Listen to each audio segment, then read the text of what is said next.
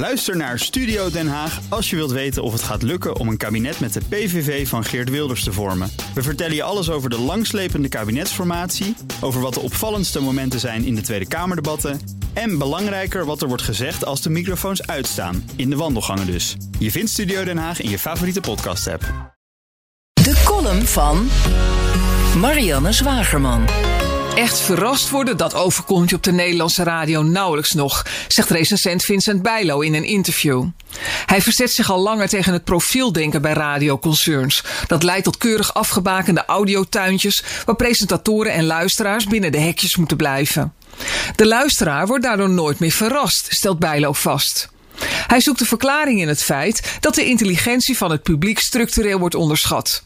Dat is niet alleen zo bij de radio. De hele Nederlandse mediawereld lijkt in een soort muffe, zelfgenoegzame status quo te verkeren.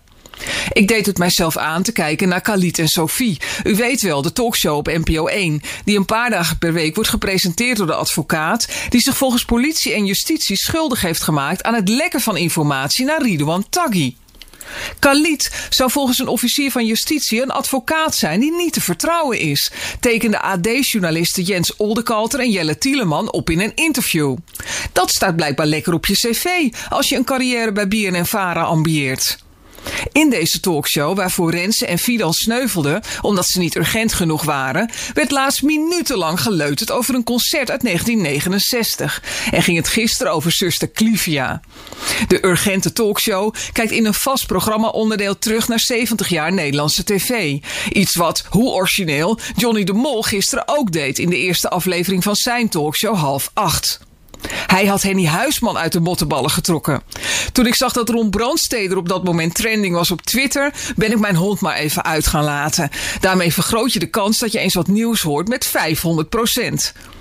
Niet alleen op inhoud is er innovatiearmoede. De Nederlandse mediawereld heeft zichzelf in slaap geconsolideerd. Er lijkt geen honger meer te zijn nu de markt verdeeld is. Geen gretigheid in het bedenken van frisse formats en merken. Het toepassen van nieuwe technologie. Aanboren van nieuwe doelgroepen en makerstalent.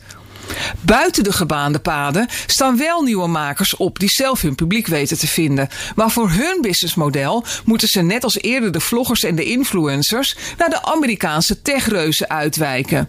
Die faciliteren de media-innovatie met betaalde nieuwsbrieven via Facebook, betaalde tweets en andere noviteiten. Zo komen we nooit van de techdictatuur af.